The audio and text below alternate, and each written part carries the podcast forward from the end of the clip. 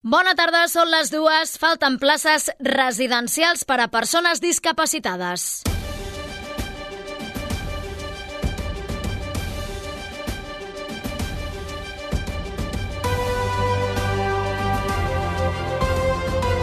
Notícies migdia. Núria Garcia.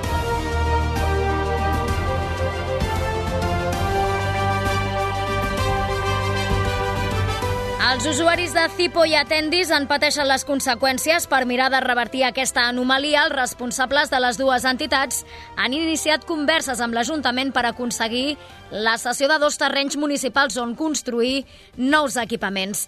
Les entitats assumirien la inversió, a canvi que la Generalitat els concerti les places de residència. De moment, però, no hi ha cap compromís per part del govern català perquè això sigui així, tal com han apuntat la gerent de Tendis, Montse Estrada, i el president de CIPO, Joan Madaula, en declaracions a Ràdio Sabadell. Però la clau és que una vegada tinguis la infraestructura feta, la puguis omplir. I, i, i amb el nostre àmbit vol dir que et puguin concertar les places, que et doni el finançament per funcionar la Generalitat, no? I aquí ara mateix no hi ha un compromís. Farem la inversió moltes vegades sense tenir assegurat això, però jo penso que, que ens acompanyaran, perquè si no tenim un problema, no? Actualment les dues entitats tenen plena ocupació a les seves llars residències que ofereixen 177 places. A banda d'aquest tema, durant el Notícies migdia també recollirem les impressions de la plataforma SOS Pediatria en relació a la visita del conseller Balcells. Us parlarem de les cardiopaties congènites amb motiu del Dia Internacional i us oferirem els àudios de les dues germanes implicades en el crim a Catllong de la parella d'una d'elles. Notícies migdia la informació en 15 minuts.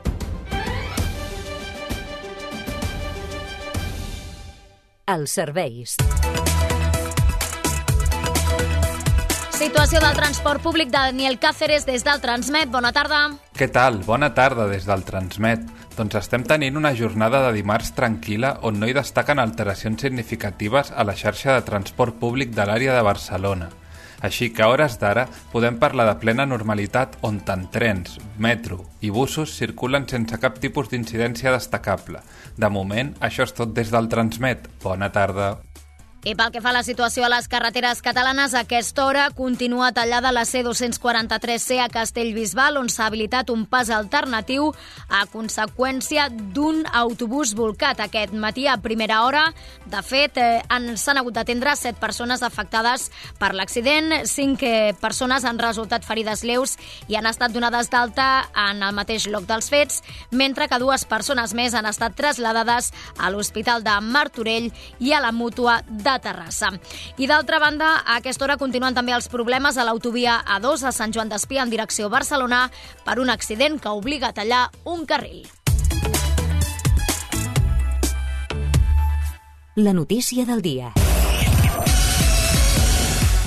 La Fundació Privada Tendis i la cooperativa Cipo volen construir noves residències per ampliar les seves places per a persones amb discapacitat. Les dues entitats estan en converses amb l'Ajuntament perquè els cedeixi terrenys on materialitzar les noves instal·lacions. Uns projectes que emprendran amb fons propis, malgrat no tenir garanties que la Generalitat en concertarà les places.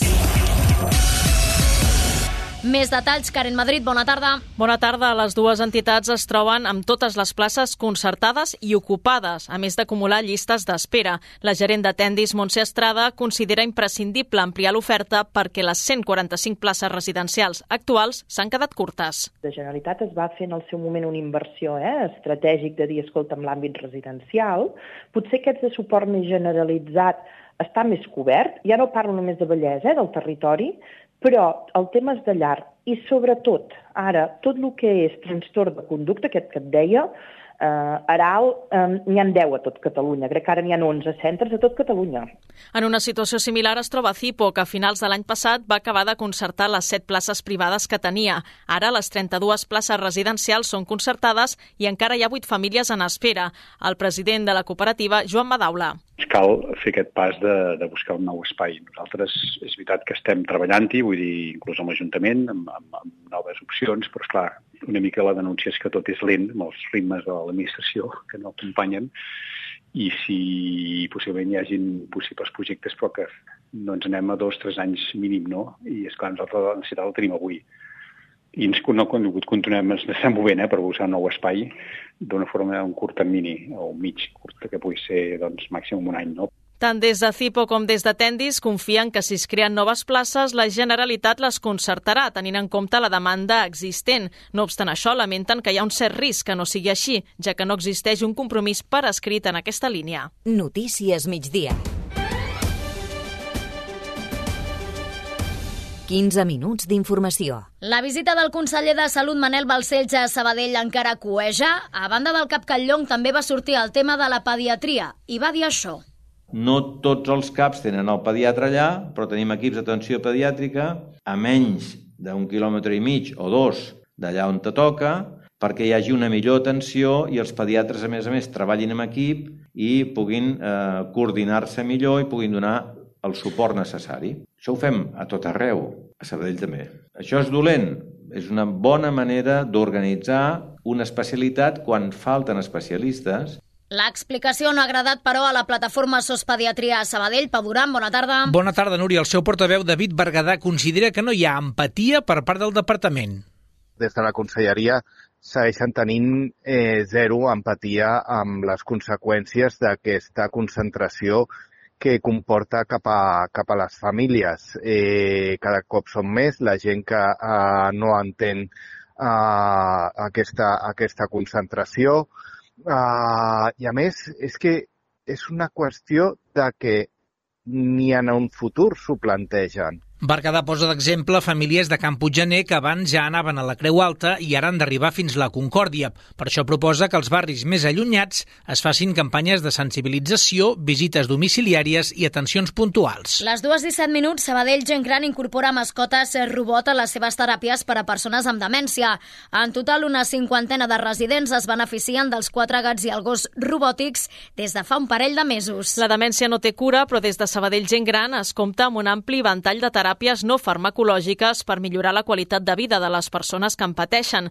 El director de projectes i operacions de la residència, Pedro Cano, ha defensat els beneficis de les mascotes robot al programa al matí el que ens ofereix és la possibilitat de eh, que no només eh, amb la visita puntual una vegada a la setmana o cada sí. 15 dies del, del, de l'animal i el terapeuta puguem oferir aquesta eina al cuidador de planta, als gerocultors o, per exemple, els terapeut, sí. el terapeuta ocupacional Amanda o Ariane, Adriana, Ariadna, que és la nostra animadora sociocultural, uh -huh. doncs tenen altres eines per poder estimular a la gent gran al llarg del dia, uh -huh. 24 hores tots els dies. Davant l'èxit d'aquestes mascotes, el taulí incorporarà un gos més al repertori i les podran utilitzar també els pacients domiciliaris i del centre de dia. I un de cada 10 nadons a Catalunya neixen amb una cardiopatia congènita, és a dir, amb malformacions al cor. En els casos més lleus, la probabilitat de supervivència fins a l'edat adulta és del 98%.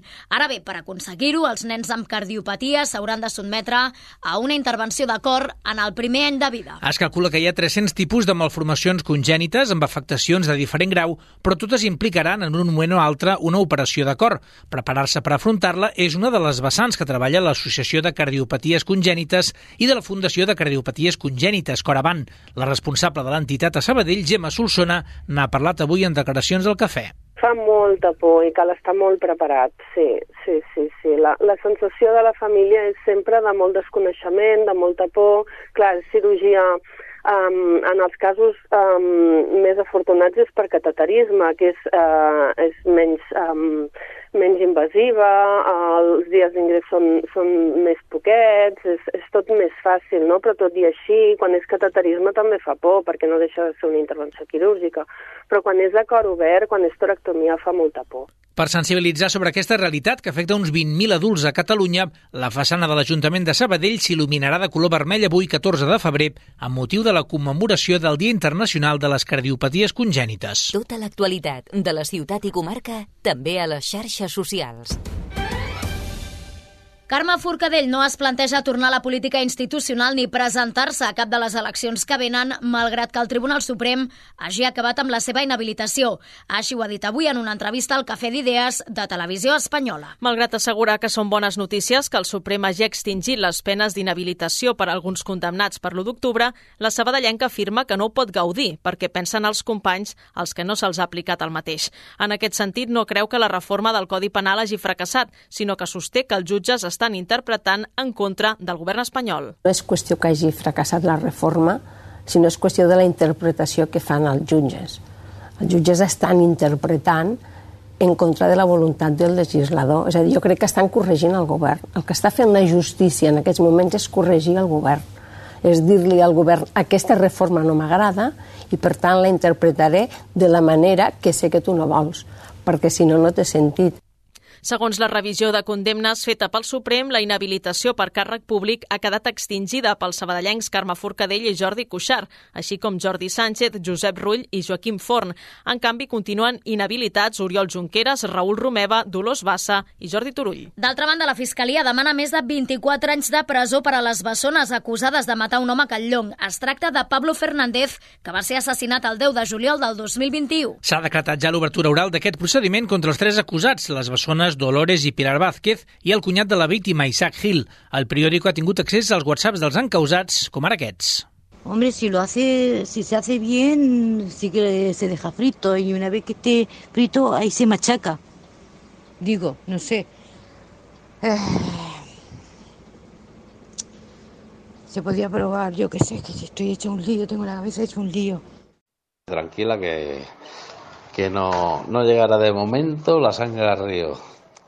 Al, al, al bosque puede ser, pero de momento no. Tant la Fiscalia com l'acusació particular consideren que es tracta d'un crim planificat pas a pas per Dolores Vázquez, parella de l'assassinat. Per materialitzar-lo van comptar amb la col·laboració de la seva germana i la parella d'aquesta, Isaac Gil, qui seria l'autor material de l'homicidi. Tots dos són a la presó, però la germana Dolores Vázquez espera el judici en llibertat. Afegim més notícies en format general. El tribunal que jutja Laura Borràs per prevaricació i falsedat de document públic accepta que declari l'última. Ho farà després dels altres dos acusats, malgrat que la Fiscalia s'hi oposava. En canvi, el tribunal ha descartat la petició de la defensa de suspendre el judici. La presidenta del Parlament suspesa s'enfronta a 6 anys de presó, 21 d'inhabilitació per càrrec públic i 144.000 euros de multa. Se l'acusa d'haver assignat a dit diversos contractes a un amic mentre era presidenta de la Institució de les Lletres Catalanes entre els anys 2013 2013 i 2017. La reforma del PSOE de la llei del només sí és sí no arribarà al ple del Congrés fins al 7 de març. La presa en consideració no s'ha pogut fer amb caràcter d'urgència tal com volien els socialistes per la negativa d'Esquerra. De fet, els republicans han avisat al PSOE que no donaran suport a la reforma si no compta amb el vistiplau del Ministeri d'Igualtat. La presa en consideració serà l'avançala del 8M, Dia Internacional de les Dones. 14 detinguts en una operació de la Guàrdia Civil a Vilafranca del Penedès contra una organització dedicada al tràfic de drogues. S'han fet una desena d'entrades i registres en l'operatiu hi participen 150 agents de la Guàrdia Civil que sospiten que el grup estaria darrere de l'emmagatzematge i distribució de xix des de l'Estat cap a diversos punts d'Europa.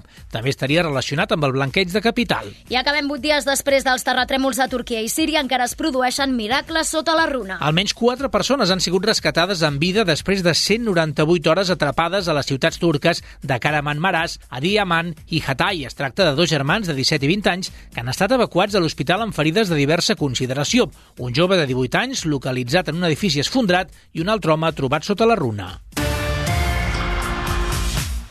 Cultura. L'Acadèmia de Belles Arts acull aquests dies l'exposició Lourdes, un recorregut peculiar per la trajectòria com a ceramista de Lourdes Pedrós. A la mostra no només s'hi podran veure les seves obres de ceràmica, sinó les fotografies que en va fer el seu marit, Joan Carreras. En declaracions al programa al matí, admès que li feia especial il·lusió compartir exposició amb obres del seu difunt espòs. M'hés agradat perquè ell, la seva gran afició era la fotografia, a més a més tenia el laboratori a casa i uh -huh. s'ho revelava tot ell al blanc i negre. Però, bueno, ell i ara feliç així i no vam aconseguir mai, tots dos, participar en una mateixa exposició perquè, bueno, a ell no li interessava massa. I ara, al proposar-m'ho el meu net que em va fer ser àvia, vull dir, m'ha fet molta il·lusió. L'exposició Lourdes està comissariada pel net de la ceramista Joan Carreras i per Rosa Borrell. El temps. Previsió meteorològica, Jordi Via, bona tarda. Hola, bona tarda. Aquest dimarts l'ambient és agradable a molts trams de Catalunya, preferentment cap a la costa i al prelitoral, on les temperatures màximes poden arribar localment encara a superar els 15 graus amb alguns indrets d'aquest sector de Catalunya. En canvi, cap a l'interior mantindrem ambient una mica més fresc el que resta de jornada, però en conjunt amb força estones de sol. Mantenim l'ambient assolellat a gran part del país i només poden aparèixer alguns núvols que han d'anar a més. Núvols baixos cap al sector de la costa, més aviat a partir del vespre, i també núvols alts i alguns de mitjans que afectaran encara al llarg de la tarda les comarques de la meitat oest de Catalunya, però en cap cas sense precipitació. I també destaquem que el vent de component sud-sud-oest pot arribar a bufar amb algun cop fort cap a la costa de l'Empordà, on tindrem una mica més d'onatge. És tot des del Cetrològic de Catalunya. Un quart de tres, marxem. Fins aquí el Notícies migdia que hem fet amb la Rocío García a les vies de so. Recordeu que podeu continuar informats al portal de continguts de l'emissora, també les xarxes socials i a partir de les 7 en una nova edició del Notícies Vespre. Que vagi molt bé, adeu. Allà on siguis, escolta'ns online. En directe.radiosabadell.fm